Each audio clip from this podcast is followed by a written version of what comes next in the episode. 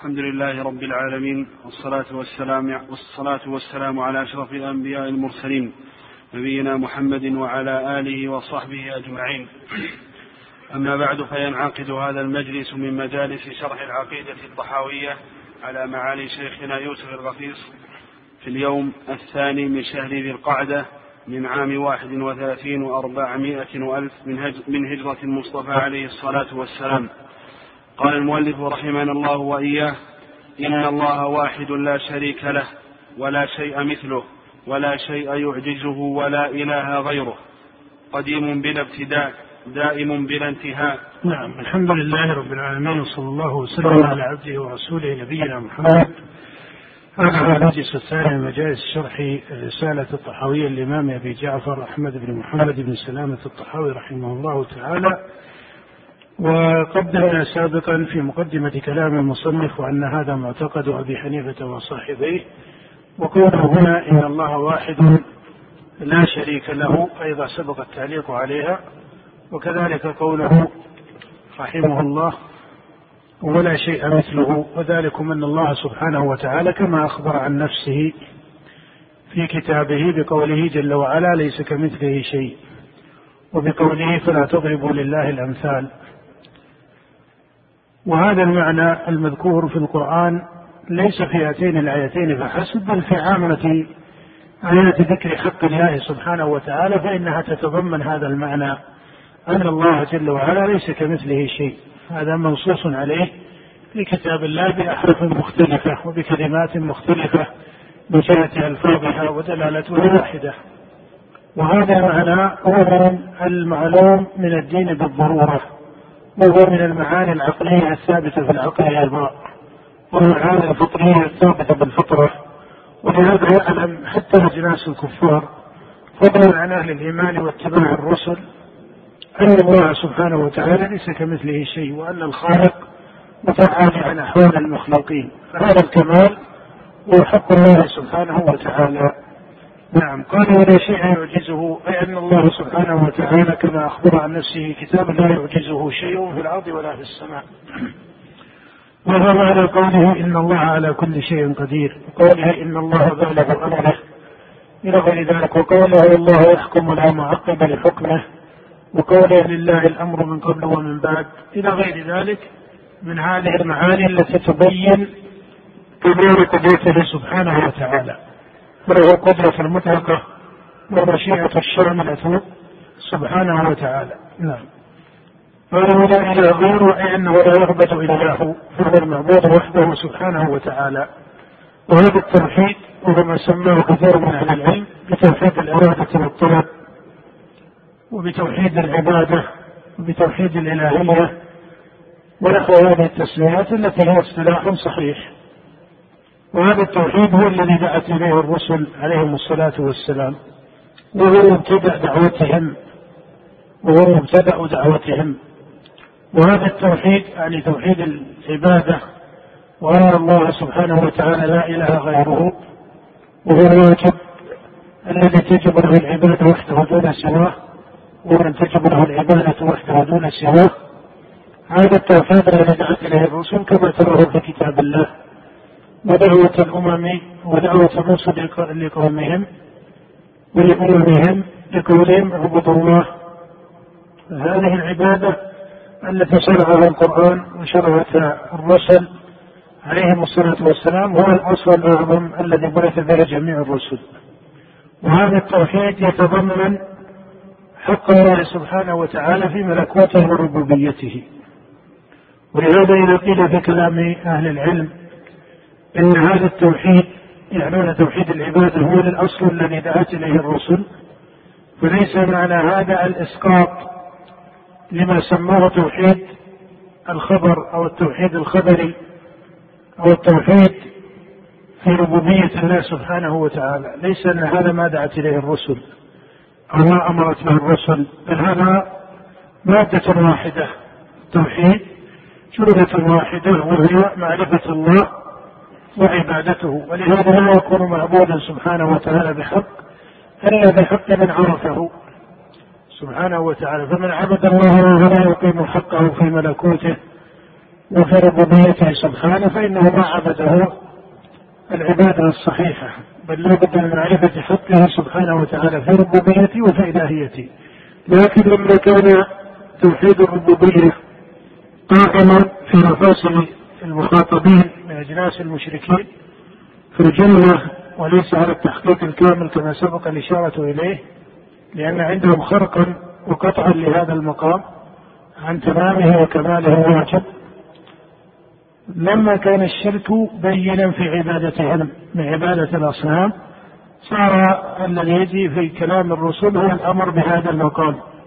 وهو يتضمن يعني مقام توحيد العبادة يتضمن كمال التحقيق لتوحيد الربوبية.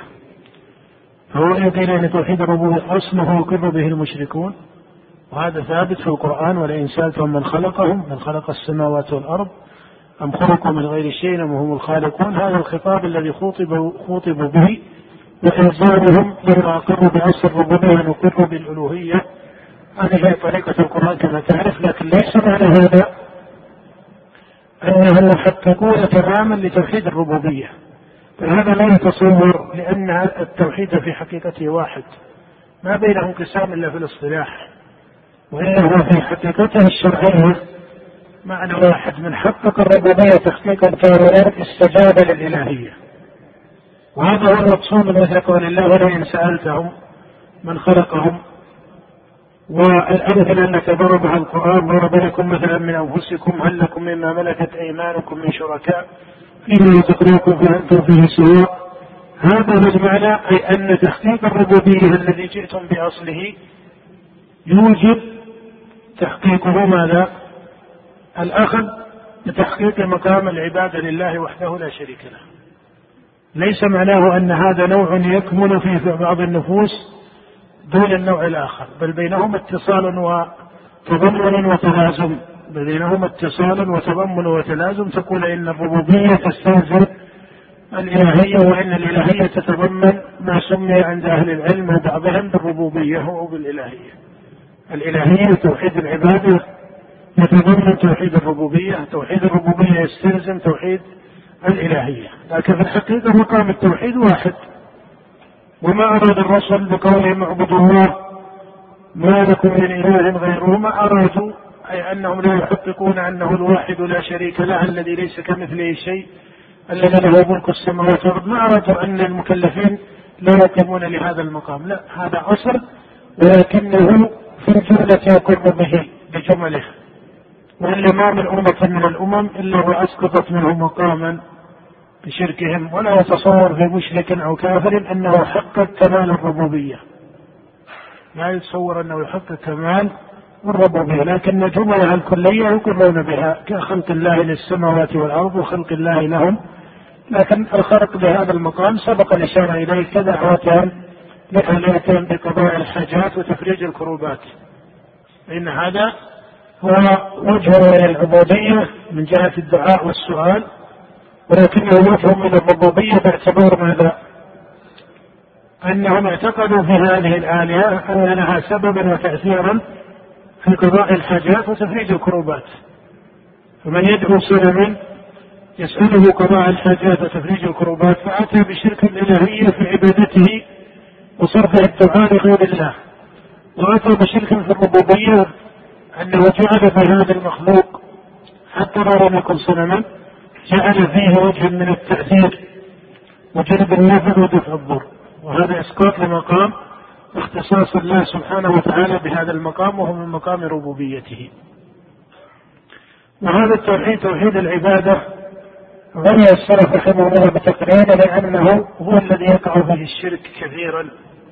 ومن هنا ببيانه وبيان حقه ومعنى شهادة لا إله إلا الله التي هي أصل دين الإسلام.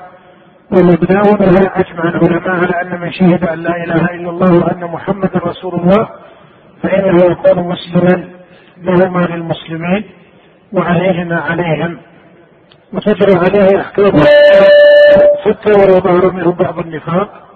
ما دام أنه أظهر الشهادتين فإنها تجري عليه أحكام الإسلام الظاهرة وظهر عجل النبي صلى الله عليه وسلم أحكام الإسلام على المنافقين كما نعلم. وحكى الإمام ابن تيمية رحمه الله اتفاق العلماء على أن أحكام الإسلام الظاهرة تجرى على المنافقين. على أن أحكام الإسلام الظاهرة تجرى على المنافقين وإن كانوا في حقيقة أمرهم ليسوا مؤمنين بالله ولكن هذا فيما بينهم وبين الله. وقد يظهر من نفاقهم ما يظهر وقد لا يظهر بعضه. ولهذا قال الله تعالى وممن حولكم من الأعراب منافقون ومن أهل المدينة مرض على النفاق لا تعلمهم. وهذا يعلم به أن المنافقين ليس من تكليف المؤمنين أنهم يتتبعون العلم بهم إلا إذا كان هذا على سبيل دفع الشر. على سبيل دفع الشر. العام وهذا وجه لكن على سبيل التسقيط عما في القرآن فهذا ليس بالمشروع ولا يجوز التكلف فيه ولا بحثه. ولا سيما أن الإنسان قد يضل فيه. فربما رمى شخصا بالنفاق وهو مؤمن. ولهذا بعض الصحابة على جلالتهم وعلمهم وعدلهم لما دخل النبي صلى الله عليه وسلم يصلي في بيت بعض أصحابه في حديث عثمان بن مالك كما في الصحيحين لما أمر أن طلب من رسول الله أن يصلي في بيته قال لما أصابه في بصره بعض الشيء فأتى إلى النبي وسأله أن يصلي في مكان في بيته فجاء النبي وصلى في بيت عثمان والحديث متفق عليه كما أشرت. فالنبي في صلاته فوقف في مالك. ابن الدخشم وقعوا في رجل يضمونه. وما يرونه إلا منافقا. اي أن رجالا ممن كان في المجلس طعنوا في شأن هذا الرجل. ورماه بالنفاق وقالوا إنه يقول كذا وكذا وضموه بوجه من النفاق. فلما انصرف النبي من صلاته. قال أنا سيشهد أن لا إله إلا الله وأني رسول الله. فقال الصحابة أو من قال ذلك منهم قال يا رسول الله إنه يقول ذلك وما هو في قلبه. يعني لا يقول إيمانا بل ما في القلب. قال الله أشهد أن لا إله إلا الله وأني رسول الله فيدخل النار أو تدخله. المقصود أن هذا فيما يتعلق بالمعان هذا حكمه إلى الله. واما في دار الدنيا فتجرى عليه أحكام الإسلام. ولهذا المسلم هو شهد لا إله إلا الله وأن محمدا رسول الله فهو مسلم تجرى عليه أحكام الإسلام. نعم. قال رحمه الله تعالى قديم بلا ابتداء دائم بلا انتهاء. نعم. قال قديم بلا ابتداء دائم بلا انتهاء. هذه الجملة مما عبر بها أو عبر به أبو جعفر الطحاوي في رسالته ولم يكن ذلك التعبير الفاضل. وذلك من استعمال هذا الاصطلاح هو من اصطلاحات المتكلمين في الأصل. فإن قيل فهل الخبر عن الله سبحانه وتعالى يلزم أن يكون بألفاظ القرآن؟ وكلمات القرآن والسنة. قيل الأصل هذا الأصل أن يخبر عن الله سبحانه بما أخبر به عن نفسه في كتابه بما أخبرت به الرسل عليهم الصلاة والسلام فيما أوحيناه إليهم. ولا يتجاوز القرآن والحديث هذا الأصل. ولكن ما كان من لفظ الخبر مطابقا لما أخبر الله به عن نفسه حسب لسان العرب ويقال خبرا لا من باب الأسماء فإن الأسماء توقيفية له جل وعلا. وهذا الوجه من الخبر إذا ما استعمل على مطابق لما وقع الخبر به حسب لسان العرب؟ كان هذا صحيحا. كان هذا صحيحا. ولهذا في مفصل الأفعال التي هو حق لله سبحانه وتعالى يقع ذلك وإن لم يقع مطابقا. وإن لم يقع مطابقا من حيث اللفظ لكنه مطابق من حيث المعنى. أما ما كان من أسماء الله جل وعلا أو من صفاته فإن هذا موقوف على القرآن والحديث. كما قال الإمام أحمد نصف الله بما وصف به نفسه وبما وصفه به رسوله لا يتجاوز القرآن والحديث. في باب أسماء الله وصفاته يوقف على ما وصف الله به نفسه ووصف به رسوله. كذلك الخبر هو كذلك. لكن لو عبر معبر بمطابق من كلام العرب خبرا عن الله فهذا يقع فيه سعة على هذا الوجه كأن يقول قائل مثلا إن الله سبحانه وتعالى هو الذي قضى وقدر هذا الحدث الذي صار في هذه الأرض أو في هذا البلد أو في هذا المكان أو على هذا الشخص إلى آخره، فهذا حقيقة إخبار عن الله. وهذا يقع مقتضى المطابق من الألفاظ الصحيحة العربية التي تكون مطابق لما وصف الله به نفسه وأخبر به عن نفسه في كتابه. قال أبو جعفر قديم قديم هذا اصطلاح استعمله المتكلمون ولم يستعمله السلف في حق الله. وأشهر من استعمله من مدارس المتكلمين مدرسة المعتزلة والسبب في ذلك أن القدم أخص وصف لله عند المعتزلة أخص أوصاف الله عند المعتزلة هو القدم. أخص أوصاف الله عند المعتزلة هو القدم. وعن دليل القدم فرعوا مسألة القول في صفات الله سبحانه وتعالى وما سموه في أصولهم بالتوحيد. هو صحيح أن الله سبحانه وتعالى ليس قبله شيء. لكن المستعمل في كتاب الله هو الذي جاء به القرآن بعبارة أصح الذي جاء في القرآن أنه سبحانه الأول.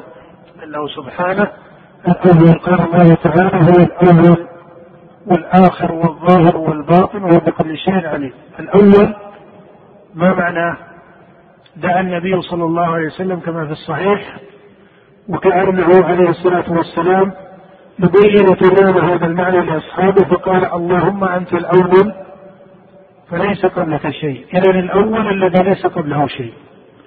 قال والآخر الذي ليس بعدك شيء. اللهم أنت الأول فليس قبلك شيء وأنت الآخر فليس بعدك شيء. وأنت الظاهر فليس فوقك شيء. لأن الله سبحانه وتعالى هو العلي الأعلى. كما أخبر عن نفسه بكون سبح اسم ربك الأعلى قوله وهو القاهر فوق عباده قوله يخافون ربهم من فوقهم إلى غير ذلك.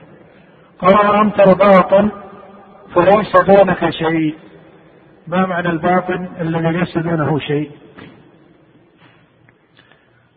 الأولى الثلاثة بينة. الثالث قال وأنت الباطن فليس دونك شيء أي لا يخفى عليك شيء في الأرض ولا في السماء. فله الكمال سبحانه وتعالى. الأول الذي قبله شيء ليس قبله شيء. والآخر الذي ليس بعده شيء. والظاهر الذي ليس فوقه شيء. والباطن الذي ليس دونه شيء. لا يخفى عليه شيء في الأرض ولا في السماء. فالله هو الأول. فلو قال المصنف رحمه الله لو قال أبو جعفر رحمه الله فضل قوله قديم بالابتداء دائم بالانتهاء لو قال الأول الذي ليس قبله شيء. الآخر الذي ليس بعده شيء. لو كان هذا لكان أصح لأنه مطابق لكلمات القرآن والسنة. من وجه ومن وجه آخر لأن لفظ القديم هو السلمان للمتكلمين زمن الخلاف بين هؤلاء مع سلف أو أئمة السلف. وبعض أهل العلم أشير إلى وجه ثالث في ترك هذا الاصطلاح. قالوا لأن القديم في لسان العرب لا يطابق الأول الذي ليس قبله شيء؟ ولكن هذا قد أجاب على بأنه من المعاني الإضافية حتى الأول. إذا كان في حق غير الله سبحانه وتعالى ما كان على هذه الرتبة. ولا يتصور الأول إذا قيل هذا الفرس الأول أو هذا الشيء الأول أو هذه البلد الأولى. ليس المعنى أنه ليس قبلها. ذلك إنما هو معنى إضافي. إذا أضيف ذلك بالإخبار عن الله سبحانه وذكر اسما لله سبحانه وتعالى كما في القرآن صار لاختصاصه بحق الله على معنى الذي ليس قبله شيء. وهذا الوجه الذي اعترض به على ابي جعفر هو محل نظر على هذا الاعتبار أن آه، نتيجته هذا التقرير أن أبا جعفر لا قال على لفظ القرآن أو على كلمة القرآن والسنة الأول الذي ليس قبله شيء. الآخر الذي ليس بعده شيء لكان هذا أجمع في المعنى وأصدق في المعنى وأصدق في اللفظ. نعم. وهذا المعنى من جمل الربوبية الكلية المسلمة عند المسلمة عند جميع المسلمين وجميع طوائف أهل القبلة من أهل السنة والجماعة وهذا من طوائف المسلمين. فإن جميع أهل القبلة يقرون ويجزمون بهذه الحقيقة. وحتى جمهور الكفار يقرون بأن الله قديم أي أن الله هو الأول وإن كانوا يعبرون بألفاظ قد لا تكون مطابقة لكلمات القرآن والسنة. إنما كلمة القرآن كما أسلفنا الأول الذي ليس قبله شيء. وبعض ولاة الفلاسفة لهم قول في مسألة كذب غير الله سبحانه وتعالى. إذن غير الله سبحانه وتعالى وعن هذا تبرع القول بقدم العالم وكلامهم في مسائل التسلسل في الأفعال والتسلسل في الفاعلين ورتبوا على تسلسل الأفعال تسلسل المفعولات وأنه يستلزم القول بقدم العالم أو غيره. هذا طرائق لبعض قدماء الفلاسفة وليس لجميعهم وليس جميع الفلاسفة يقولون بهذه الطريقة إنما هي طريقة لبعضهم كأرسطو وأمثاله ودخل شيء من هذا هذه المادة على بعض المتفلسفة. في تاريخ المسلمين بقولهم بقدم العالم. نعم. قال رحمه الله دائم بلا انتهاء. نعم. لا يفنى ولا يبيد ولا يكون إلا ما يريد. نعم. أي أن الله سبحانه وتعالى كما قال في كتابه كل من عليها فان ويبقى وجه ربك. والله سبحانه وتعالى دائم والله سبحانه وتعالى عن غني عن خلقه فليس له ابتداء وليس له انتهاء. وهذا معنى قول أبي جعفر لا يفنى ولا يبيد ولا يكون إلا ما يريد. وهذه جملة في قضاء الله سبحانه وتعالى وقدره وأفعاله جل وعلا لأن الله سبحانه وتعالى له ملكوت السماوات والأرض. لا يكون إلا ما يريده سبحانه وتعالى. وهذه كما يسميها أهل العلم إرادته الكونية القدرية. يعني إرادة الله الكونية القدرية. قال الله تعالى فمن يرد الله أن يهديه يشرح صدره للإسلام ومن يرد أن يضله يجعل صدره ضيقا حرجا كأنما يصعد في السماء. فالله سبحانه وتعالى لا يقع شيء في ملكوته وفي العالم كله وفي جميع ما خلق الله مما نعلم ومما لا نعلم. فأفعال بني آدم وأفعال الملائكة وغير ذلك من الأفعال والمفعولات كل ذلك بإرادة الله وحده لا شريك له. ولو شاء ربك لما وقع هذا. فهو سبحانه وتعالى لا يقع شيء إلا بإرادته. وهذا أيضا من المعاني البينة عند جميع المسلمين. أن الله سبحانه وتعالى لا يقع إلا ما يريد. إلا ما حصل من فتنة في صدر الإسلام في مسألة أفعال إيش؟ في مسألة أفعال العباد. لما ظهرت القدرية في أواخر عصر الصحابة رضي الله تعالى عنهم وقالوا إن الأمر أنف وإن الله لم يرد أفعال العباد ولم يشأها. وهؤلاء القدرية هم الذين نقصوا مقام الإرادة في حق الله سبحانه وتعالى وتمثل هذا بمدرسة المعتزلة بعد ذلك فيما رتبه في أصل العدل من أصولهم وفي مدرستهم وتكلموا في أفعال العباد ومن هنا هنا لأن فتواه هذه المسألة. وتعلمون أن الإمام البخاري رحمه الله صنف في هذا كتابا مشهورا وهو خلق أفعال. العباد بين فيه الإمام محمد بن إسماعيل صاحب الصحيح البخاري بين فيه مقام هذه المسألة وأن أفعال العباد كغيرها من الأحوال التي داخلة في ملكوت الله فلا تقع إلا بإرادته سبحانه وتعالى. إنما كانت شبهة القدرية أن الله سبحانه وتعالى يؤاخذ العباد على أفعالهم وأن أفعال العباد الكفر والمعصية فإنهم يؤاخذون عليها وأن أفعال العباد منها الحسن ومنها السيء فكانت هاتان الشبهتان هما مأخذ القدرية في هذه الضلالة أو في هذه الفتنة أو في هذه البدعة. فدخلت عليهم الشبهة من هذا الوجه وهذا ليس حكما لا من جهة العقل ولا من جهة الشرع. فإن الله سبحانه وتعالى يؤاخذ من عصى وما كفر به ويجازيه ويغفر سبحانه وتعالى ما دون الشرك لمن يشاء كما هو معروف. وهذا المؤاخذة منه سبحانه وتعالى بحق من كفر به أو عصاه سبحانه وتعالى بكبير من الإثم. هذه المؤاخذة لا تنافي كونه سبحانه وتعالى وقع هذا الفعل بقضائه وقدره. بمعنى أن هذا العبد وإن كان له إرادة يفعل بها وهذا مسألة معلومة في الشرع والعقل والحس ودليله حتى لغير المسلمين الحس فإن الإنسان يفرق بين فعله الاختياري وبين فعله الاضطراري أليس كذلك؟ والإنسان هو الذي يختار أن يفعل هذا الفعل أو أن يتركه أن يأكل أو لا يأكل أن يسافر أو لا يسافر فهو يبين الذين له أفعاله السوية الاختيارية وبعض الأفعال الاضطرارية التي يلجأ إليها إما لإغماء فيسمى فعل غير اختياري كحركات المغمى عليه أو حركات النائم ونحو ذلك.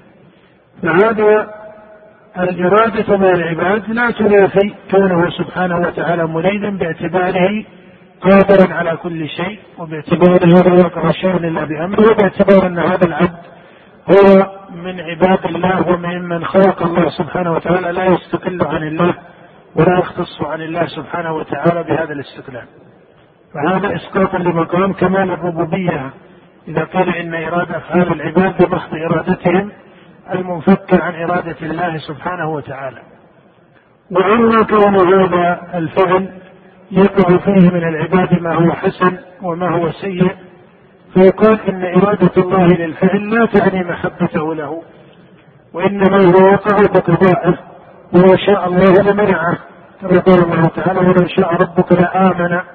من في الأرض فإذا كفرهم حصل بقضاء الله وقدره. ليسوا مجبورين على هذا الكفر وإنما الله جل وعلا خلق الإنسان وجعله على صفة من القدرة وعلى صفة من الاستطاعة وعلى صفة من الإرادة. منكم من يريد الدنيا ومنكم من يريد الآخرة. فللعباد إرادة.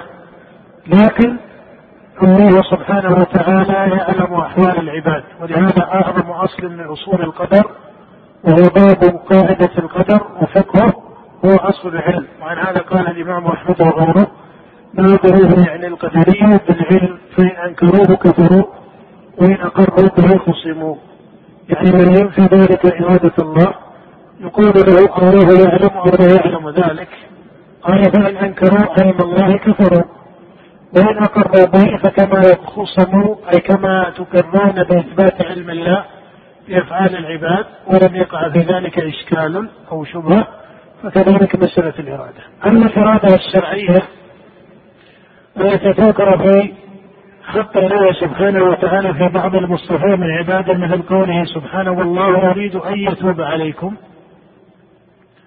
فهذه الإرادة الشرعية هي التي تقتضي محبة الله سبحانه وتعالى لما أراده. تقتضي محبة الله لما أراده. فالله أراد من العباد فعل الخيرات وترك المنكرات وإقام الصلاة وإيتاء الزكاة. إلى غير ذلك انما شرع في في كلام الرسل عليهم الصلاة والسلام.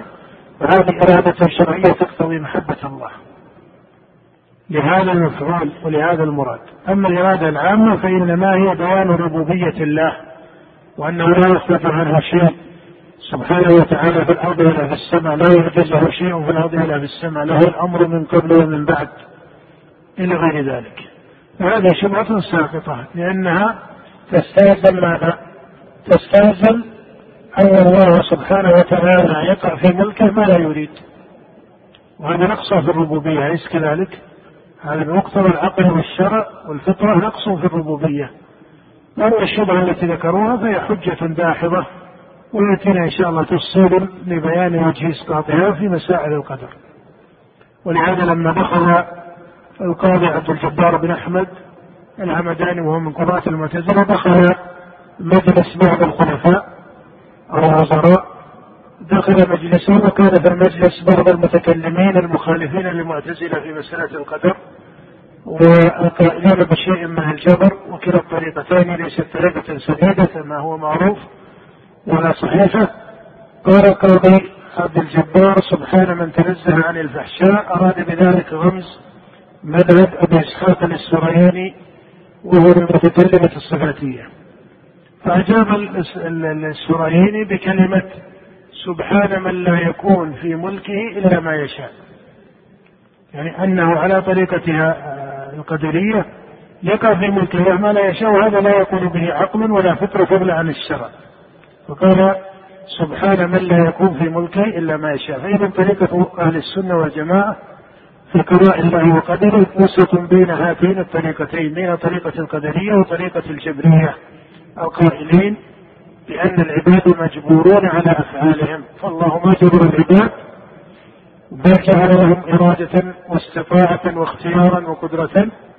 بل إنه يعلم في الشريعة عند فقهاء الشريعة أن أن الإرادة وأن الاستطاعة وأن القدرة شرط للتكليف. أليس كذلك؟ ولهذا إذا عدم مقام القدرة فأصبح الإنسان ليس قادرا على العبادة تجب عليها وتسقط عنه.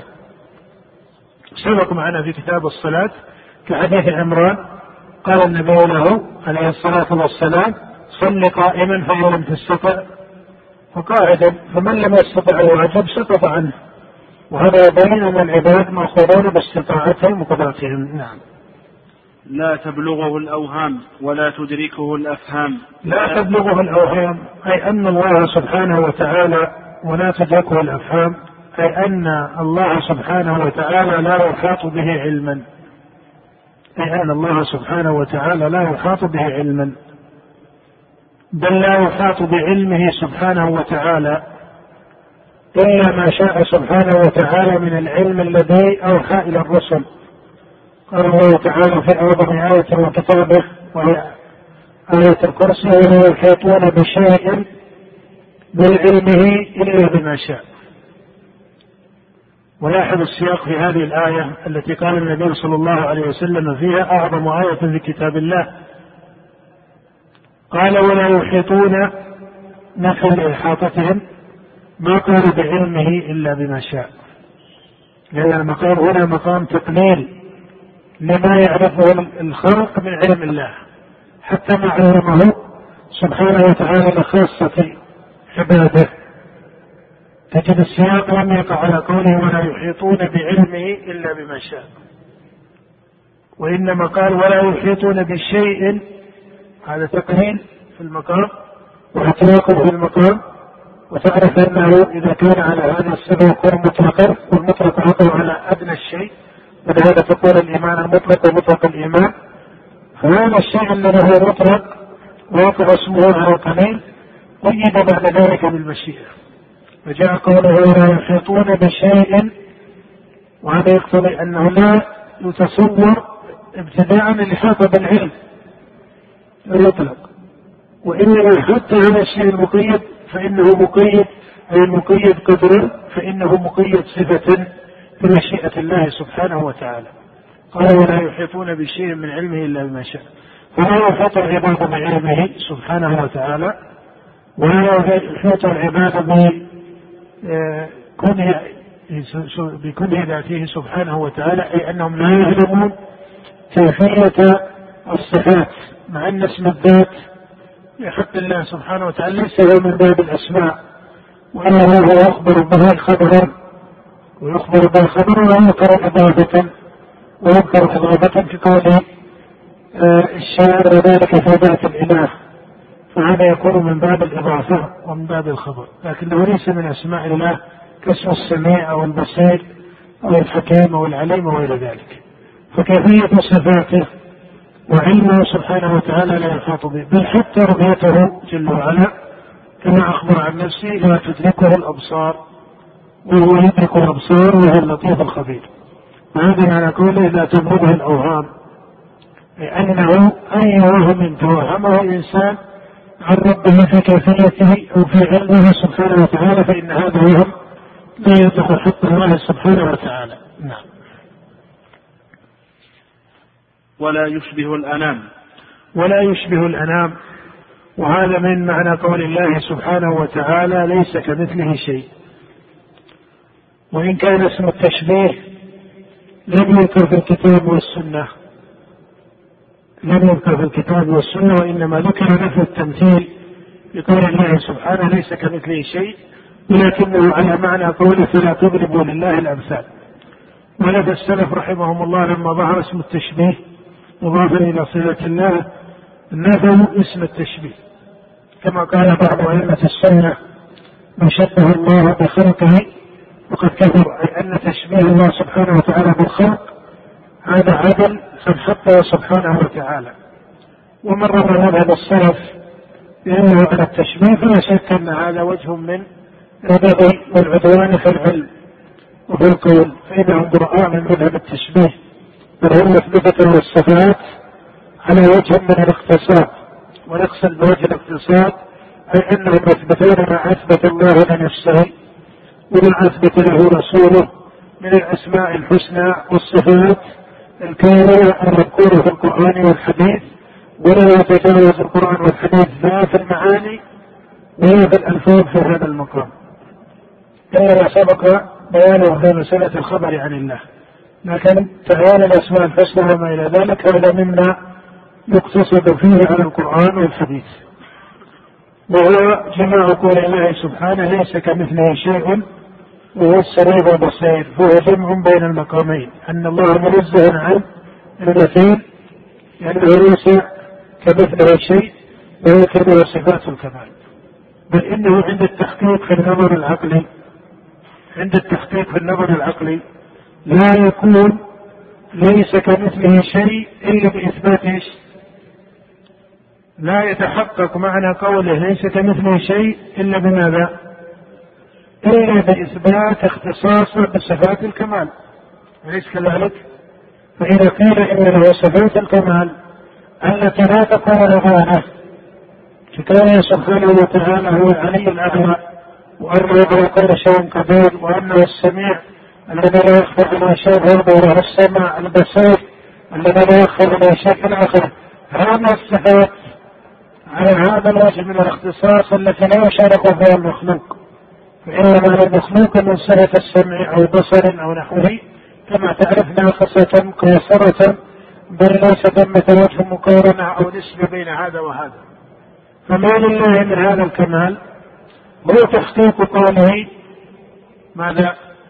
ليس كمثله شيء. فإنما يتحقق في العقل وخطاب العقل. فضلا عن خطاب الشرع أنه ليس كمثله شيء عند هذا التمام من الحكمة. وهذا كأنه الله أعلم من أوجه الحكمة في جمع المقامين في آية واحدة في جمع المقامين في آية واحدة فعليه إثبات كونه ليس كمثله شيء يقتضي ماذا؟ يقتضي إثبات الصفات وإثبات الصفات على وجه الاعتبار يتضرر ماذا؟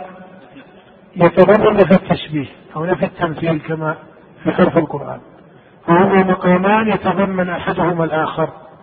هما مقامان يتضمن أحدهما الآخر. نعم. حي لا يموت قيوم لا ينام. نعم حي لا يموت أي أن الله سبحانه وتعالى له البقاء المطلق. وهذا من أسمائه سبحانه وتعالى أنه الحي كما سمى نفسه في كتابه. وقال الله تعالى الله لا إله إلا هو الحي القيوم. وتجد أن ذكر الأسماء في القرآن يقع على وجه من الحكمة الشرعية والتنبيه والإشارة إلى معنى من تمام هذه المعاني. فيكون تنبيها للمكلفين باتصال هذه المعاني اللائقة بالله سبحانه وتعالى. قال الله لا إله إلا هو الحي القيوم. أن حياته سبحانه وتعالى على وجه من الكمال وكل غيره فهو قيوم السماوات والأرض. وهذا من معنى قوله سبحانه وتعالى كل من هو في شأن. وهو قيوم السماوات والأرض. ليس ذكر الحياة المفك عن الفعل. ليس ذكر الحياة المفك عن الفعل والحكمة وإنما هو الحي القيوم فهذا اتصال بتمام المعنى من جنس قوله هو الأول والآخر والظاهر والباطن. فهذا يكون من بيان توصيف المعنى في عقول المكلفين. نعم. خالق بلا حاجة رازق بلا مؤنة خالق بلا حاجة أي أنه خالق لكل شيء. كما قال الله تعالى الله خالق كل شيء. وهو الخالق لكل شيء وهو الذي خلق السماوات والأرض والبشر. والجن وما نعلم وما لا نعلم. وهذه المقدمة من الربوبية يقر بها أجناس الكفار في الجملة. إلا ما يقع في شمول في بعض المسائل إلا عند الكفار أو دخل ذلك على بعض أتباع الأنبياء. ممن ضل ببدعة عرضت له كقول من قال من يعتقد بأن الله لم يخلق أفعال العباد؟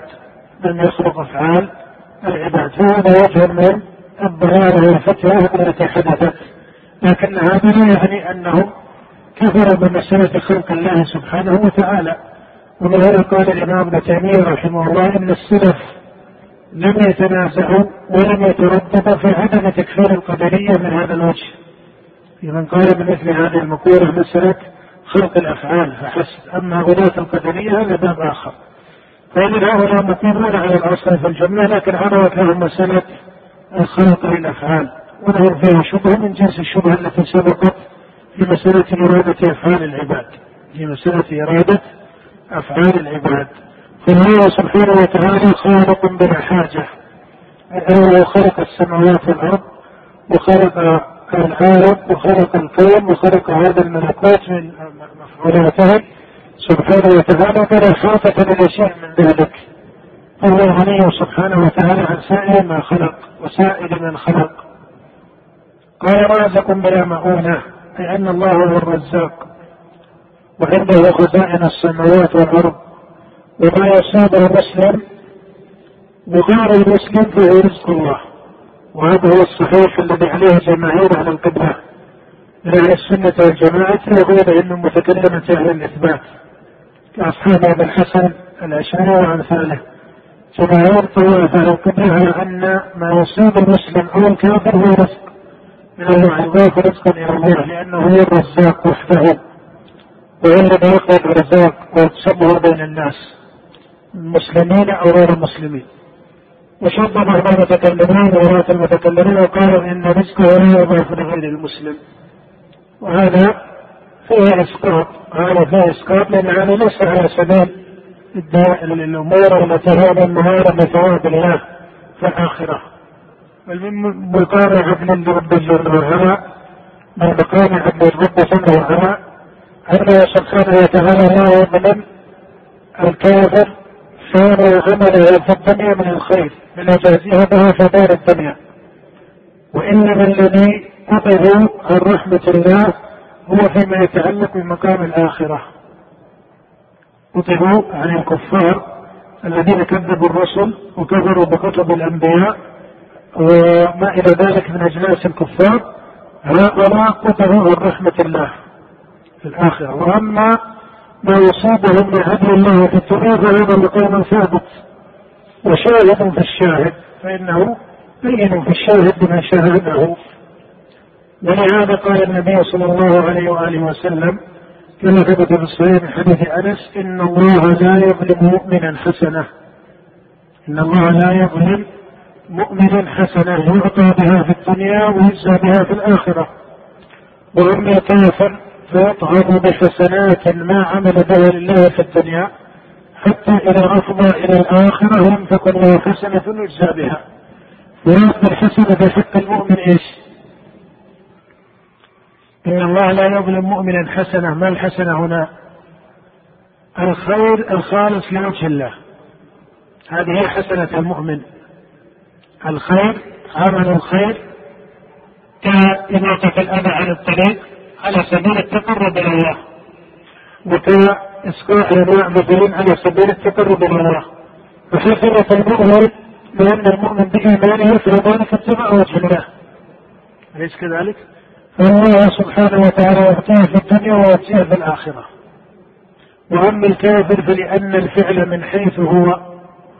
إذا الكافر مثلا أماط عدا عن الطريق أو سقى المحتاج إلى الماء أو ما إلى ذلك أو أنقذ غريقا أو ما إلى ذلك هذا الفعل من حيث هو حسن أو قبيح. هذه حسنة من حيث هو فعل حسن هذا باتفاق بني آدم لا أحد يجادل في ذلك.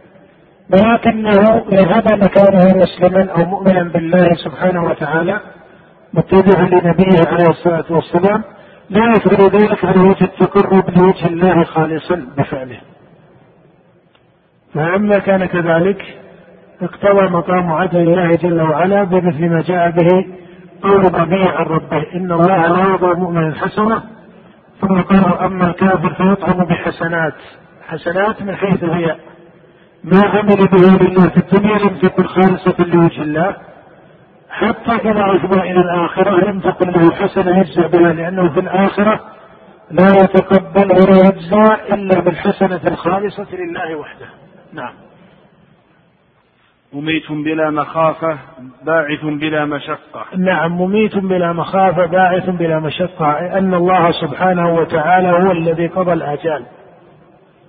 وقدر الموت على الناس وخلق الموت والحياة ولهذا الموت مخلوق خلقه الله سبحانه وتعالى. وهو أمر واجبي خلافا لبعض الفلاسفة الذين قالوا هو عدمي محض وليس له حقيقة من جهة الوجود. وذكر الإمام ابن تيمية رحمه الله أن الذي عليه أهل السنة وسواد أهل القبلة وهذا خلافا للفلاسفة. أو لطالبة منهم. وهذا مما يستدل به قوله سبحانه وتعالى تبارك الذي بيده الملك وهو على كل شيء قدير الذي إيش؟ الذي خلق الموت والحياة. الله سبحانه وتعالى خلق الموت والحياة وهو الذي قضى بالموت على أجل سبق به قضاءه وقدره. سبق به قضاءه وقدر كما في حديث عبد الله بن عمر إن الله كتب مقادير الخلائق قبل أن يخلق السماوات والأرض بخمسين ألف سنة وكان عرشه على الماء والحديث الصحيح فهذا القضاء والقدر وله قضاءه سبحانه وتعالى الموت وسبب الموت. فكل مخلوق فإن الله قضى أجله وقضى الأجل وقضى السبب الذي يموت به. وليس قاتل إلى قتل عمد قيل إن المقصود قطع أجله. بل هذا أجله الذي قدره الله في سابق علمه خلافا لبعض المعتزلة الذين قالوا إن القاتل قطع أجل المقتول. بل الصواب كما هو صريح في القرآن وهو إجماع أهل السنة وجماهير أهل القدرة أن الله سبحانه وتعالى قضى الآجال واحدة. قضى الآجال واحدة. ولهذا فلا يتعلق بمسائل التي جاء في السنة النبوية في قول النبي صلى الله عليه وسلم كما في الصحيح وغير من أحب أن يبسط له في رزقه ويوسع له في أثره فليصل رحمه. هل هذه تزيد؟ في الأجل على كل حال هو قابل بالأجل الله سبحانه وتعالى. سواء كان على طريقة بعض أهل العلم في تفسير الحديث إن هذه الأسباب يزيد بها الأجل ويؤخر بها الأجل عن ميقاته إلى أجل يقضيه الله سبحانه فهو على كلا التقديرين. قضاء من؟ هو على كلا التقديرين قضاء الله. وعلى الطريقة الثانية وهي الطريقة الصحيحة أن الأجل واحد. وأن الله أقضاه في سابق علمه وفي سابق قضائه وقدره. ولكن كما سبق معنا من أراد أن يفهم مسألة القدر أو أن يتصوره تصورا بسيطا فليعرف أن الله يقضي الحال كما يقضي المعاد. أن الله يقضي الحال كما يقضي المآل. الآن في صلة الرحم. صلة الرحم حال أو مآل؟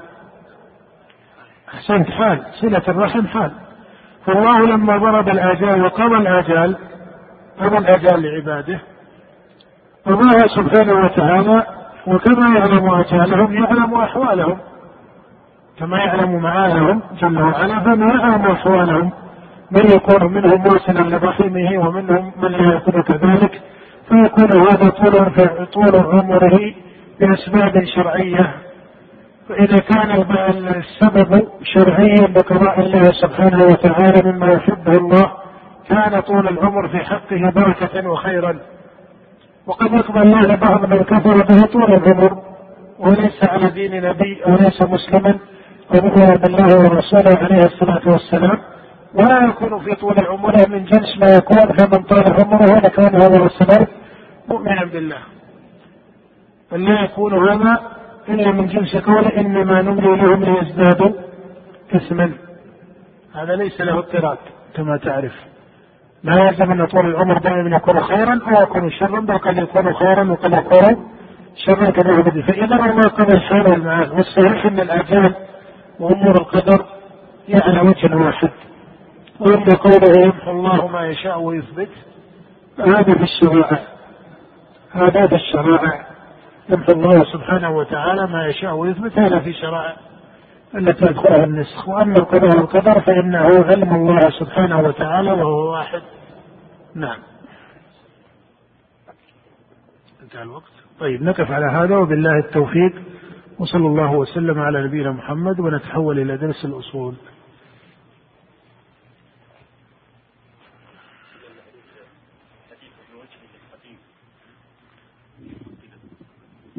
لعله يصير.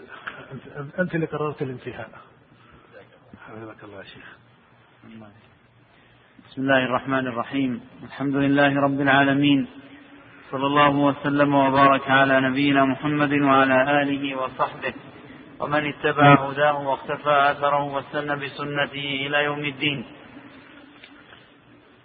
قال الشيخ أبي الوليد محمد بن رشد الحفيد رحمه الله تعالى فإن غرضي في هذا الكتاب أن أثبت لنفسي على جهة التذكرة من كتاب أبي حامد رحمه الله في أصول الفقه في أصول الفقه الملقب بالمستصفى جملة كافية بحسب الأمر الضروري في هذه الصناعة. ونتحرى في ذلك أوجز القول وأقصره وما نظن به أنه, أنه أكثر ذلك صناعي وقبل ذلك فلنقدم مقدمة نافعة في غرض العلم المطلوب ها هنا ومنفعته فنقول. في غرض العلم المطلوب ها هنا ومنفعته فنقول إن المعارف والعلوم ثلاثة أصناف. إما معرفة غايتها الاعتقاد الحاصل عنها في النفس فقط كالعلم بحدث العالم والقول بالجزء الذي لا يتجزأ وأشباه ذلك. وإما معرفة غايتها العمل وهذه منها كلية وبعيدة في كونها مفيدة للعمل. فالجزئية كالعلم بأحكام الصلاة والزكاة وما أشبههما من جزئيات الفرائض والسنن والكلية كالعلم بالأصول التي تبنى عليها هذه الفروع من الكتاب والسنة والإجماع. والعلم بالأحكام الحاصلة عن هذه العلوم عن هذه الأصول على الإطلاق وأقسامها وما يلحقها من حيث هي أحكام. وإما معرفة تعطي القوانين والأحوال التي بها يتسدد الذهن نحو الصواب في هاتين المعرفتين كالعلم بالدلائل وأقسامها وبأي أحوال تكون دلائل وبأيها لا وفي أي المواضع تستعمل النقلة من الشاهد إلى الغائب وفي أيها لا. وهذه فلنسميها سبارا وقانونا فإن نسبتها إلى الذهن كنسبة البركار والمسطرة إلى الحس فيما لا يؤمن أن يغلط فيه. نعم الحمد لله رب العالمين وصلى الله وسلم على عبده ورسوله نبينا محمد. بعد أن بين أبو الوليد ابن رشد غرضه من هذا الكتاب وهو أن يثبت على وجه التذكرة مقتصد ما قاله ابو حامد في مسائل اصول الفقه أتى بهذه المقدمة وهذه المقدمة ماخوذه من كلام أبي حامد وامثاله أبي حامد ذكرها في مقدمة كتاب المستفسر في أصول الفقه لأنه فسرها كما قسمها أبو الوليد إن المعارف ثلاثة أصناف. فقال معرفه يراد أو غايتها الاعتقاد ممثلا لذلك بحدوث العالم. وهذه المسألة مسألة حدوث العالم ممثلون بها كثيرا. في مسائل المعرفة الأولى ودلائل إثبات وجود الله سبحانه وتعالى ولا سيما على طريقة المتكلمين الذين يتكلم على طريقتهم أبو حامد رحمه الله في كتبه فجاء بالرشد وذكر هذه الطريقة مع أنه على طريقة الفلاسفة وهو على طريقتهم وفي كتبه الفلسفية لا يستعمل هذا الدليل دليل حدوث العالم لإثبات وجود الله بل عند الفلاسفة كما تعرف طريقة يعتبرونها اقوى في البرهان من طريقة المتكلمين. بل إن ابن الوليد بن رشد سمى طريقة المتكلمين في هذا في مناهج الأدلة. في كتابه مناهج الأدلة سماها طريقة جدلية ليست محكمة. على كل حال هنا هذا مثال لعله هنا ولم يرد اصل المعرفه التي هي من موارد بحثهم لإثبات وجود الله سبحانه وتعالى على طرق الفلاسفة وطرق المتكلمين فإن أبا وليد على طريقة الفلاسفة كما تعرف وهو فيلسوف أما أبو حامد فإنه ينسج على طريقة المتكلمين من أصحاب أبي الحسن. الأشعري قال والقول بالجزء الذي لا يتجزا وهذا ما يسميه علماء النظر من المتكلمة وغيرهم بالجوهر الفرد. وهو الجزء الذي لا يتجزأ. فيقول مثل هذا المعرفة هي علم واعتقاد. وهذا في الحقيقة لا يضطرد كثيرا هذا لا يضطرد كثيرا. يعني أن العلم بحدوث العالم أو غيره من الأمثلة لا بد أن أي علم فإنه يكون إما متضمنا لمقام من الفعل والإرادة أو مستلزما لذلك. إما أن يكون العلم متضمنا للعمل العمل باسمه العام وهو الفعل والإرادة والفعل القلبي والفعل الحسي أو مستلزما لذلك. هذا من حيث العلم. هذا باعتبار الاسم العام للعلم. فإذا قيل في علم الشريعة إذا قيل في علم الشريعة فكل علم شرعي كل علم شرعي في مسائل الأصول أو في مسائل فروع الشريعة فإنه إما أن يتضمن عملا أو يكون سببا يبنى عليه عمل وهو الاستلزام. وعليه ليس ثمة علم محض لا يترتب عليه مقام من العمل. بل العمل في حقيقته متولد عن ماذا؟ العمل متولدا عن العلم. فإذا المعرفة المجردة هذه نفس من نفس مدرسة الفلسفة العقلية المجردة التي تقوم بإثبات مثل هذه الطريقة من العلم المفك. واستغلاها بعض المتكلمين كأبي حامد على مثل هذه الطريقة. وإلا فإن العلم حتى بغير علم الشريعة في معارف بني آدم معارفهم تتضمن حركة وعملا أو تستلزم ذلك. إذا جينا لعلم الشريعة فهو على هذا الرتبه كما تعرف. قال وإلا معرفة غايته العمل. وذكر أن هذه كلية وجزئية وأذكر أشار إلى أن علم أصول الفقه منها.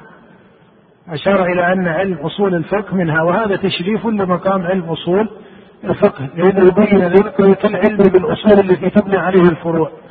وهذا إشارة إلى جملة علم أصول الفقه. عند أبي الوليد علم الأصول من هذا المقام من المعرفة التي لها غاية وهي العمل. وهذا مقتضى.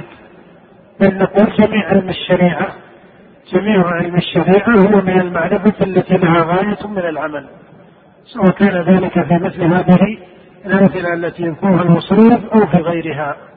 فهذا بين يشير إلى علم أصول الفقه بمثل قوله العلم بالأصول التي تبنى عليها هذه الفروع من الكتاب والسنة والإجماع. إلى قالوا العلم بالأحكام الحاصلة عن هذه الأصول على الإطلاق وأقسامها. هذا موارد علم أصول الفقه. هذا موارد علم أصول الفقه. نعم. ثم قال وإن معرفة تعطى القوانين. وكأنه يشير هنا إلى المعيار التي هي تسديد كما يشير وصبر وقانون لتقويم هاتين المعرفتين. وهذا ما سموه عند الفلاسفة بالبرهان ومعيار البرهان وهو المنطق البرهاني الذي اعترضه ابن رشد في كتبه ولخصه عن أرسطو الذي يعتبرونه هو الذي رغم مثل هذا القانون الذي يعرف بالمنطق الأرسطي. وإن كان المنطق لا يختص بأرسطو وحده بل الصحيح أن المنطق هو معنى من تنظيم أحكام العقل وهو مشترك بين الناس في أصله. وإن كان ما أثروه عن أرسطو وترجموه عنه هو تركيب لهذا المشترك واختصاص به وتقدير لمعياره وهذا التقدير يقع فيه صواب وقد يقع فيه خطأ. ومن هنا جمل المنطق من حيث النتائج. لا قد يكون منها نتائج صحيحة وقد يكون منها نتائج ليست كذلك. لكن أبي حامد الغزالي وأبو الوليد يلخص عنه اعتنى بالمنطق ويرى أن المنطق هو الذي يسدد الذهن وأنه معيار للعلم وعن هذا كتب أبو حامد كما تعرف رسالته في المنطق التي سماها معيار العلم. كتب أبو حامد معيار العلم ولأبي حامد رسالتان ميزان العمل ومعيار العلم. فيرى أن ميزان العمل على طريقة التصوف ويرى أن هذه المعارف وترتيبها في أصول الفقه وفي علم الكلام وهذه المسائل يرى أنها ترتب على نظام المنطق الذي استوضع خلاصة له في كتابه معيار العلم. أبو الوليد أخبر بالمنطق من أبي حامد حقيقة لأن أبا الوليد هو المتتبع لكلام أرسطو الذي يلخص علم المنطق في أغلب الأحوال والقول عنه. نعم. قال رحمه الله تعالى وبين أنه كلما كانت العلوم أكثر تشعبا والناظرون فيها مضطرون في الوقوف عليها إلى أمور إلى أمور لم يضطر إليها من تقدمهم. كانت الحاجة فيها إلى قوانين تحوط أذهانهم عند النظر فيها أكثر. وبين أن الصناعة الموسومة بصناعة الفقه في هذا الزمان وفيما سلف من لدن وفاة رسول الله صلى الله عليه وسلم وتفرق أصحابه على البلاد واختلاف النقل عنه صلى الله عليه وسلم بهاتين الحالتين. ولذلك لم يحتج الصحابة رضي الله عنهم إلى هذه الصناعة كما لم يحتج الأعراب إلى قوانين تحوطهم في كلامهم ولا في أوزانهم. نعم وهذا من فقه ابن الوليد بن رشد وهو بالمناسبة حتى في كتبه الفلسفية أو الكتب التي أراد منها تقليد رأيه في مسائل الفلسفة. ومسائل المعرفة الإلهية على طريقة الفلاسفة هو عنده إجلال للصحابة.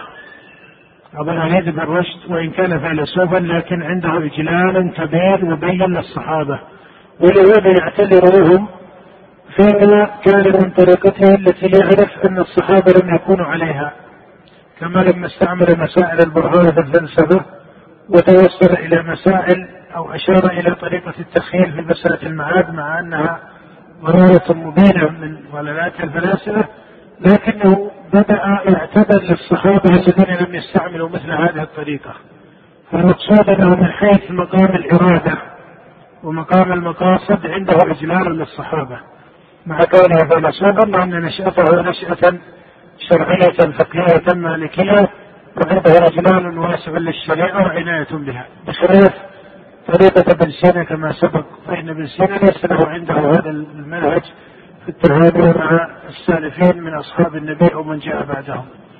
فهذه الطريقة يعتذر بها قد يكون اعتذاره للصحابة آه، وإن كان فاضلا من حيث هو لكن قد يكون ما فهمه بهذا الاعتذار قد يكون صوابا وقد لا يكون كذلك. في هذه المادة هذه الإشارة التي ذكرها هذا من فقهه. نعم الصحابة رضي الله عنهم في فقههم كانوا على مقام من الفصيحة والسداد لم يحتاجوا إلى تنظيم ما يسمى بعلم أصول الفقه كتنظيم ومن باب الأولى لم يحتاجوا إلى المعيار الذي أشار إليه وهما سمي بعد ذلك أو سمي عند ترجمته وتحصيله بالمنطق.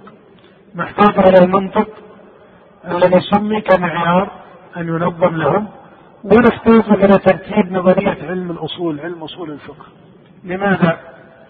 هل كون هذا العلم ليس قائما عندهم؟ الجواب لا.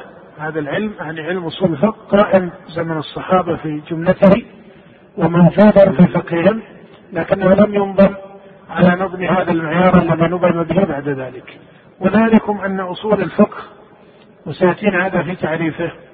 لكن في التعريف الذي أرى أنه تعريف مناسب ويكون جامعا وجملته بينة.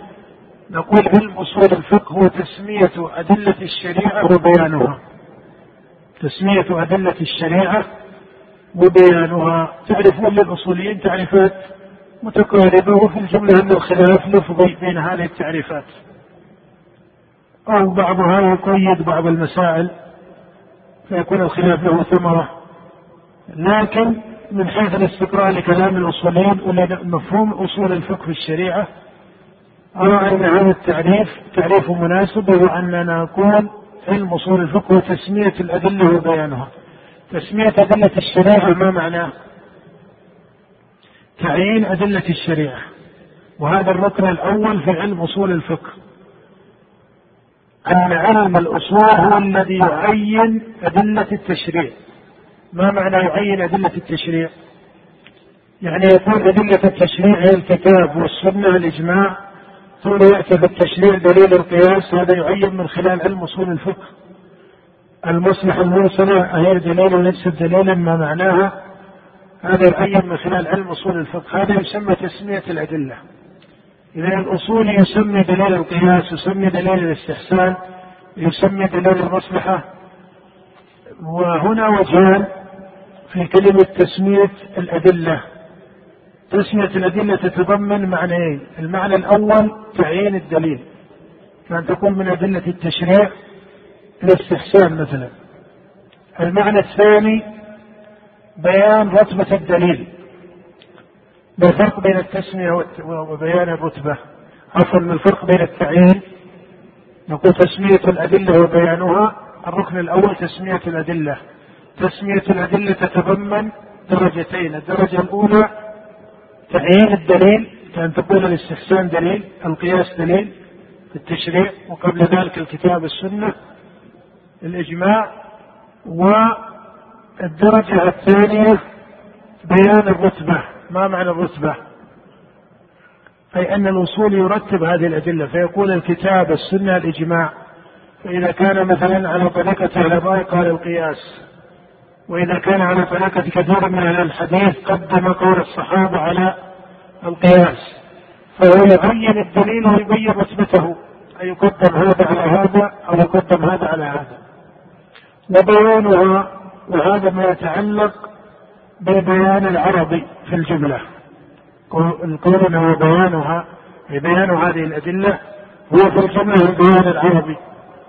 الذي هو فقه الدلالات ما يقتضيه الأمر البيان العربي في أصله منزل في خطاب أدلة الشريعة من الكتاب والسنة على مقتضى أمر الله وقضاء الله ورسوله.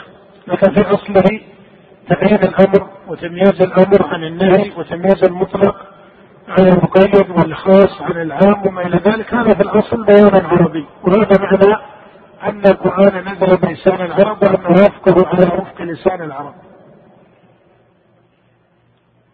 فهذا البيان هو في الجملة على مقتضى لسان العرب وإن كان يقيد بما جاءت به الشريعة في تمييز الأسماء العربية على الأحكام الشرعية. وهذه مسألة للعلماء فيها ستة مذاهب في العلاقة ما بين اللغة والشريعة. ذكرها أبو محمد ذكر هذه المذاهب أبو محمد بن حزم رحمه الله في كتاب الفصل وفي بعض الكتب الأخرى. هناك مذاهب له في هذه الطريقة وذكرها الإمام ابن تيمية أيضا سمى هذه المذاهب كاملة.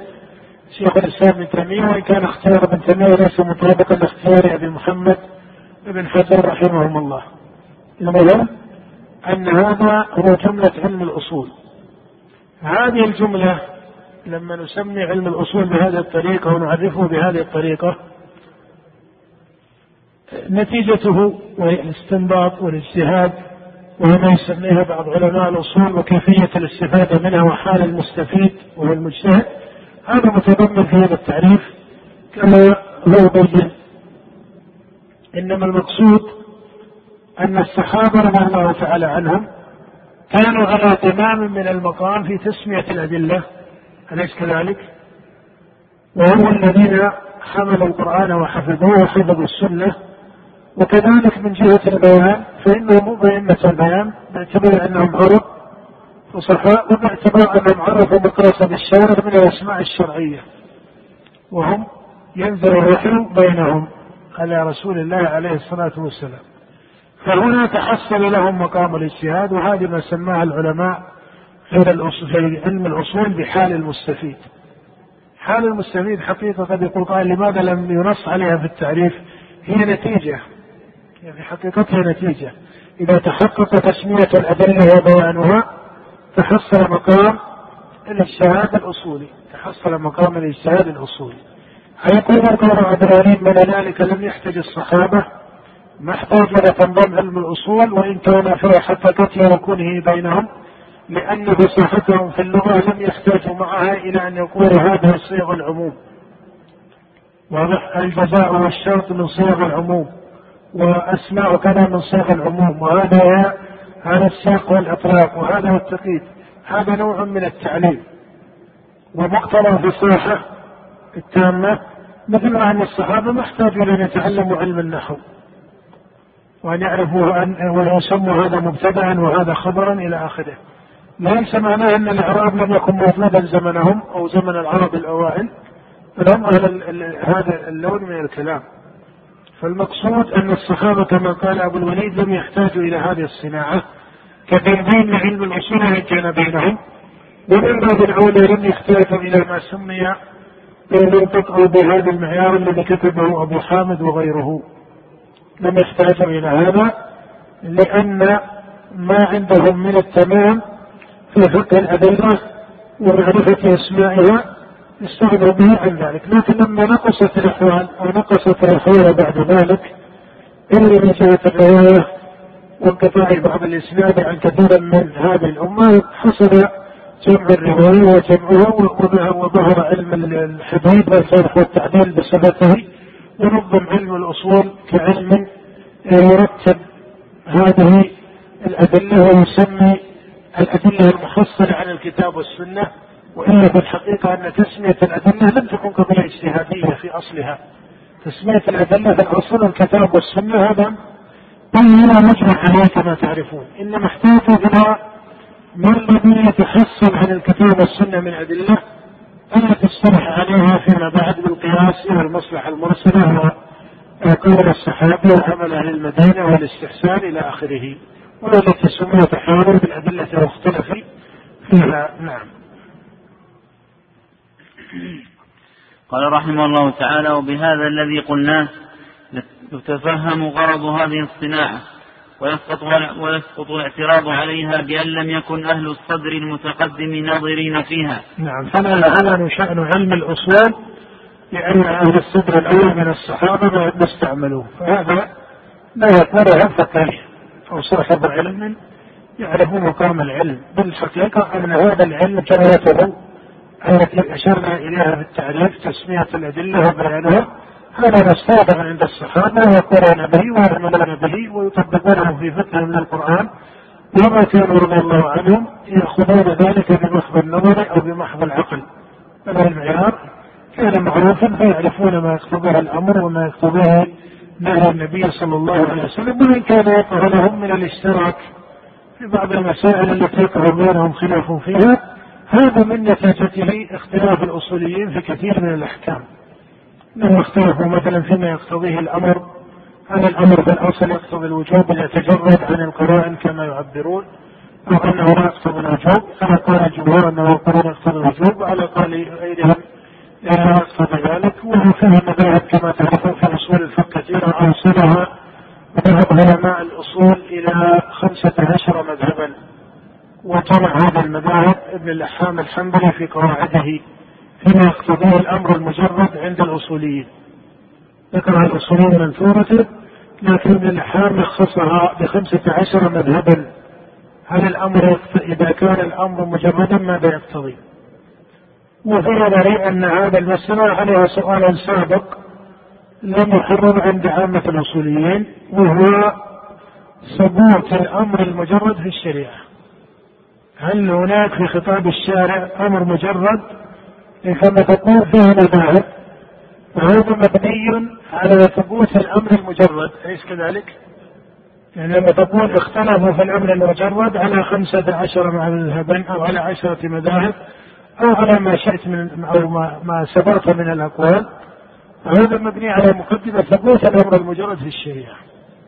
هذه في محاوساته تحتاج إلى تحديد يعني إلى بحث وإلى تحرير هل يقع في خطاب الشارع الأمر المجرد؟ إذا قال أنه لا يقع المجرد انفكت المسألة عن وجودها.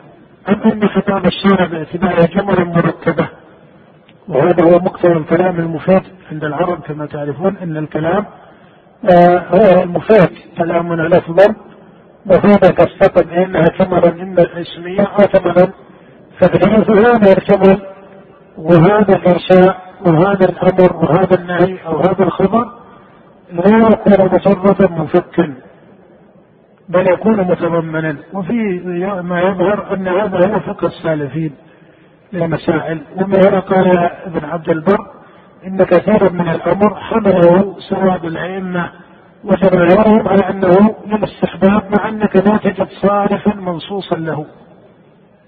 وإنما الصارف يجعلونه مقتضى ماذا؟ مقتضى السياق يجعلون الصارف مقتضى السياق. على كل حال هذا إن شاء الله سيأتينا في مبحث الأمر والنهي بإذن الله. نعم. السلام عليكم. قال رحمه الله تعالى وإن كنا لا ننكر أنهم كانوا يستعملون قوتها. نعم هذا من, من دقيق التعبير. وإذا كنت تقرأ لابن رشد لا تنتظر يعني ضعفا في التعبير. هو دقيق التعبير آه، وبودي أن الإخوان يستفيدون من لغته العلمية. لغته في المعيار العلمي عالية جدا لأنه ما يليق بطالب العلم أن تكون لغته آه، ساذجة في التعبير عن مسائل الفقه ومسائل علم الشريعة. أو تكون لغة مبسطة ولهذا كتوسعة علمية صحيح أن طالب العلم يبتدئ بترتيب علمي أو كما يقال يتدرج في المعرفة العلمية ولا يتقحم معاني المراجع والكتب والعلم قبل أوائله. هذا كله صحيح في الجملة. لكن لا ينبغي أن يستطال فيه إلى درجة ضعف الملكة العلمية. بمعنى يغلب على الطالب أو على الباحث يبحث عن الملخصات يبحث عن المختصرات يبحث عن اللغة الأبسط.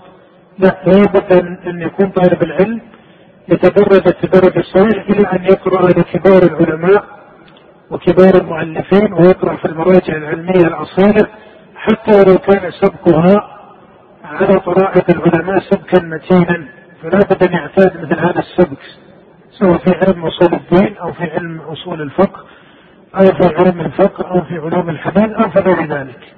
لا يكون قصده دائما التقريب للألفاظ والتلخيص للألفاظ. هذا ليس من باب الألفاظ وحدها هذا له انعكاس على الملكة العلمية لدى طالب العلم من جهة ومن جهة أخرى هذا القصر في الألفاظ يسقط كثيرا من المعاني العلمية المتضمنة في هذا السبك العلمي الذي في هذه الكتب. ولهذا ينبغي لطالب العلم أن يلازم كتب الأقدمين ولو بعضا منها.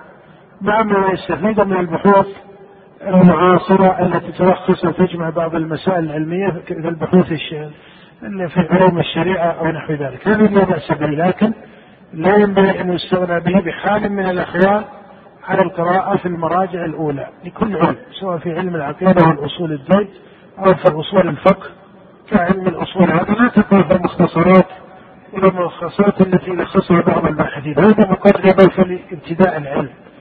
لكن لابد أنك تأتي إلى مرتبة ومقام وتقرأ الأصولين في كتبهم الكبار. تقرأ لأبي حامد تقرأ مثلا لابن بهاني في البرهان تقرأ للزاجة المحصول تقرأ في روضة الناظر لابن قدامة تقرأ في شرح الكوكب يعني تقرأ في كتب العلماء بحسب مذاهبهم وهكذا في علم الفقه تقرأ لكتب الفقهاء الموسعة كالمغني كالشرح الكبير شرح المهذب تقرأ في جوابات الأئمة المتقدمين. هذا السمع يعطي طالب العلم ملكة علمية ويعرف طالب العلم بسعة المعاني العلمية التي أرادها العلماء رحمهم الله. نعم.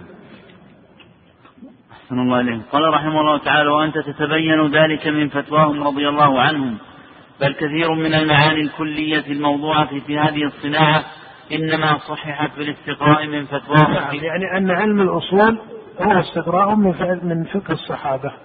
كثير له استقراء من فقه الصحابة نعم. قال فأما أجزاء هذه الصناعة بحسب ما, قس ما قسمت إليه في هذا الكتاب فأربعة أجزاء. فالجزء الأول يتضمن النظر في يتضمن النظر في الأحكام والثاني في أصول الأحكام والثالث في الأدلة المستعملة في استنباط حكم حكم عن أصل أصل وكيف استعمالها والرابع يتضمن النظر في يتضمن النظر في شروط في شروط المجتهد وهو الفقيه. نعم هذا جماع علم الأصول هذا جماع علم الأصول وهذه لها قال فأما أجزاء هذه الصناعة بحسب ما قسمت إليه في هذا الكتاب فأربعة أجزاء. قال الجزء الأول يتضمن النظر في الأحكام. والأحكام عند الأصوليين لها تفصيل لكنها تفرغ على وجهين في الجملة عندهم. فيذكرون وإلا بعضهم يجعل مقدمة على الأحكام العقلية والأحكام آه، الشرعية أو بعضهم يقسم الأحكام العقلية والعادية إلى آخره لكن الذي هو يفسمين وصول وجوه علم الأصول هو أن الأحكام الشرعية على هذا المراد هي وجهان. ما سمي بالأحكام؟ إيش؟ التكليفية وما سمي بالأحكام الوضعية. الأحكام التكليفية وهي خمسة كما تعرف الواجب والمستحب والمحرم والمكروه والمباح والأحكام الوضعية وهذه يجعلون لها أسماء كالسبب والعلة والمانع وما إلى ذلك وإن لا يتفقون على عددها وتقديرها على مدارس الأصوليين كمدارس الفقهاء الأربعة كاتفاقهم على تسمية الأحكام التكليفية. هذا فرق يأخذها طالب العلم إلى أن الأحكام التكليفية بينة مستقرة في الجملة عند علماء الأصول أن الخمسة المشهورة التي سبق أن ذكرت. أما الأحكام الوضعية فيذكرون لها مادة وإن كان بعضهم يجمع هذه مع هذه أو بعضهم يجعل هذا نتيجة لهذا الحكم وليس منه هذا يأتي إن شاء الله في البحث في الأحكام الوضعية عند مقامها. ثم يكون النظر في الثاني في أصول الأحكام وهي الثمرة التي تستفاد من الأحكام كما سماها الغزالي في المستصفى. والنظر الثالث في الأدلة المستعملة في الاستنباط الأحكام. النظر في الأدلة المستعملة في استنباط هذه الأحكام وهذا مبحث الأدلة. وقال وكيف استعمالها؟ هذا هو كما سماه أبو حامد شاهر علم الأصول. ولما كتب كتاب المستصفى جعل بابا أو قطبا فيما أظن من تسميته لأن الغزالي يسمي كتابه على أخطاب فسماه قطبا أو بابا فيه وهو الاستنباط وقال أبو حامد عنده إن هذا هو جوهر علم الأصول. ثم يقول أبو الوليد والرابع يتضمن النظر في شروط المجتهد. تعلمون أن اسم الاجتهاد في أصله اسم شرعي. قال النبي صلى الله عليه وسلم كما في الصحيح في حديث عمرو بن العاص إذا حكم الحاكم فاجتهد فأصاب فله أجران وإذا حكم فاجتهد فأخطأ فله أجر. فقوله اجتهد هذا ذكر للاجتهاد وهو اسم شرعي في الأصل. ولما جاءت هذه العلوم منظم علم الأصول والفقه سمي المجتهد عند العلماء. وذكر المجتهد المطلق والمجتهد المقيد إما في المذهب فيقول مجتهد فيقولون مجتهدا في المذهب أو مجتهدا للمذهب. وبينهما فرق يأتي إن شاء الله في كلامنا عن الاجتهاد وفي كلام المصنف عن الاجتهاد. وذكر شروط المجتهد المطلق. وتعرفون انهم ذكروا له شروطا من جهة علمه بالدليل من القرآن والسنة وأدلة الحلال والحرام والصحيح من الضعيف والناسخ والمنسوخ إلى آخره فيما سماه علماء الأصول في شروط المجتهد.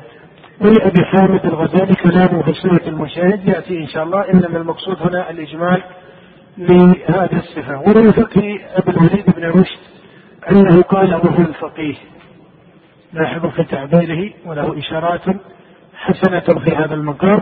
قال الرابع يتضمن النظر في شروط المجتهد ثم قال وهو الفقيه وهذا نوع من الإشارة العلمية الصحيحة بمعنى أن اسم الفقيه أن اسم الفقيه لا ينبغي أن يطلق لا ينبغي أن يطلق إلا على من تبصر في علم الفقه وتبصر في العلم بالأدلة الشرعية. وليس كل من صار له بعض الاشتغال بعلم من العلوم صار له الاسم المطلق فيه. وبهذا قال أبو الوليد وهو الفقيه وهذا مناسب لطريقة المتقدمين من العلماء. وحره مراك الحسن البصري لما سئل عن آراء الفقهاء فلما قال قولا في بصره قيل له هذا يا أبا سعيد قول الفقهاء. قال وهل رأيت فقيها؟ ما أراد الحسن رحمه الله هذا الإغلاق للفقه أو لعدد الفقهاء أبدا عن سعة الفقهاء وكثرتهم ولا سيما بذلك التاريخ لكن أراد به إجلال بعض المقامات وأنه ليس كل من كان له مورد في العلم آه، سمي باسم الأعلى من حقه. هذا مقام على كل حال ينبغي أن يكون فيه ابتداء لا يكون فيه غمط للناس فيما آتاهم الله من العلم والفضل لا يكون فيه غمط وإسقاط لكن أيضا التمييز حسن. التمييز بلا تكلف وبلا مبالغة حسن. حتى يتميز من كان له مقام في العلم لأن هذا ليس من باب التمييز على سبيل الإكرام وهدمه هذا باب يسير في الجملة لكن أهم هو أن هذا يأخذ عنه الرأي أو لا يأخذ عنه الرأي يأخذ عنه العلم بهذه المسائل أو, أو ليس كذلك. والله سبحانه وتعالى يؤتي فضله ما يشاء نعم. الله عليكم قال رحمه الله تعالى وأنت تعلم مما تقدم من قولنا في غرض هذه الصناعة وفي أي جنس من أجناس العلوم هي داخلة أن النظر الخاص الآن في مسألة الاجتهاد إن شاء الله فيها تعليق مهم وعليها أسئلة ننظر في جوابها وهل المجتهد يقابله المقلد؟ هل الاجتهاد يقابله التقليد؟ فإذا كان ليس ثمة إلا اجتهاد وتقليد وهم يجعلون المجتهد المطلق فهل كل من ليس على رتبة المجتهد المطلق يكون مقلدا؟ آه وما يتضمن هذا من من بعض الإيرادات التي ترد عليه. هذه مباحث إن شاء الله يأتي شرحها إن شاء الله في مقامها. نعم قال وأنت تعلم. قال وأنت تعلم مما تقدم من قولنا في غرض هذه الصناعة وفي أي, وفي أي جنس من أجناس العلوم هي داخلة. أن النظر الخاص بها إنما هو في الجزء الثالث من هذا الكتاب لأن الأجزاء الأخرى من جنس المعرفة التي غايتها العمل. ولذلك لقبوا هذه الصناعة باسم بعض ما جعلوه جزءا لها. نعم وهذا من كما أشرت الأصل الثالث في الأدلة المستعملة في الاستنباط وهو الذي قال عنه أبو حامد أنه جوهر هذا العلم يعني الاستنباط. لكن تبقى أن المسائل الأولى هي متصلة بهذا العلم وإن كان أبو الوليد أراد محاكاة ما ذكره أبو حامد. نعم. قال فدعوها بأصول الفقه بأصول الفقه والنظر الصناعي والنظر الصناعي يقتضي أن يفرد القول القول في هذا الجزء الثالث إذ هو مباين بالجنس لتلك الأجزاء الأخرى ويقتصر من تلك على أحد أمرين إما أن توضع بحسب أشهر, أشهر المذاهب فيها وهو ما يراه مثلا أهل السنة وإما أن يرسم ويعدد الاختلاف الواقع فيها وتعطى الأحوال والقوانين التي بها تستنبط الأحكام بحسب رأي رأي بحسب رأي رأي في بحسب الرأي في تلك الأصول.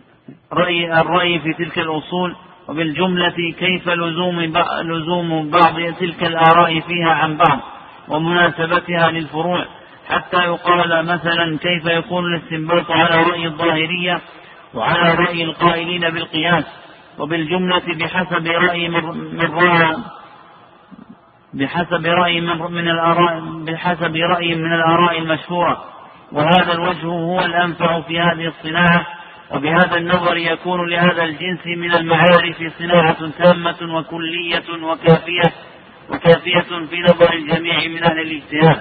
نعم. وهذا الأصل الثالث لو تأملتم فيه وأردنا قراءته تجد أنه يقول فيه والثالث في الأدلة المستعملة في استنباط حكم عن أصل وكيفية استعمالها. وهذا هو جوه علم أصول الفقه. ومن هنا لما جئنا للتعريف قلنا إن علم الأصول هو تسمية الأدلة وبيانها. وهذا مقارب أو مطابق في الجملة لما أراده المصنف رحمه الله. أو لما ذكره أبو العلي في قوله إن هذا الأصل الثالث هو الأصل الصحيح. وإن كانت هذه الأصول الأربعة بجملتها داخلة في هذا العلم. لا ينفك عنها النظر في مسائل الأحكام لأنها ثمرة لتسمية هذه الأدلة ولبيانها تتفرع الأحكام الشرعية إلى ما سبق بيانه من التكليف أو الوضع أو غير ذلك. ثم أشار ابن الوليد إلى مسألة قال النظر في صناعة هذا العلم تأتي على وجهين إما أن يفرد بمذهب واحد إما أن يفرد بمذهب واحد وإما أن يجعل على سبيل المعايير والقانون المشترك. وتميز بعض المذاهب عن بعض والمآخذ عن بعض وأشار إلى مثال في ذلك كتمييز مدرسة أهل القياس عن مدرسة الظاهرية. وهذا في الجملة مما لا ينبغي الإطالة فيه يعني مسألة التصنيف لصناعة هذا العلم. إنما المهم هو فهم موضوع هذا العلم. أما كيفية التصنيف فيه هذا ليس اختيارا حتى يقال فيه فإنه وقع للعلماء رحمهم الله طريقة في التصنيف في هذا. وصار العلماء الحنفية تميز ببعض طريقتهم حتى سميت طريقة الفقهاء كما شاع ذلك في كثير من الاصطلاح وصار لكثير منهم ما هو على الطريقة الكلامية وأجل من هاتين الطريقتين الطريقة الأولى التي ابتدعها الإمام الشافعي رحمه الله وكتب فيها رسالته وتجد هذه الرسالة هي صناعة لهذا العلم على وجهه الأول المناسب للتعريف الذي أشرنا إليه بأنه تسمية الأدلة وبيانه ومن هنا سقطت كثير من الزوائد العلمية التي لم يحتج إليها هذا العلم مما دخل بأثر علم الكلام ونحوه.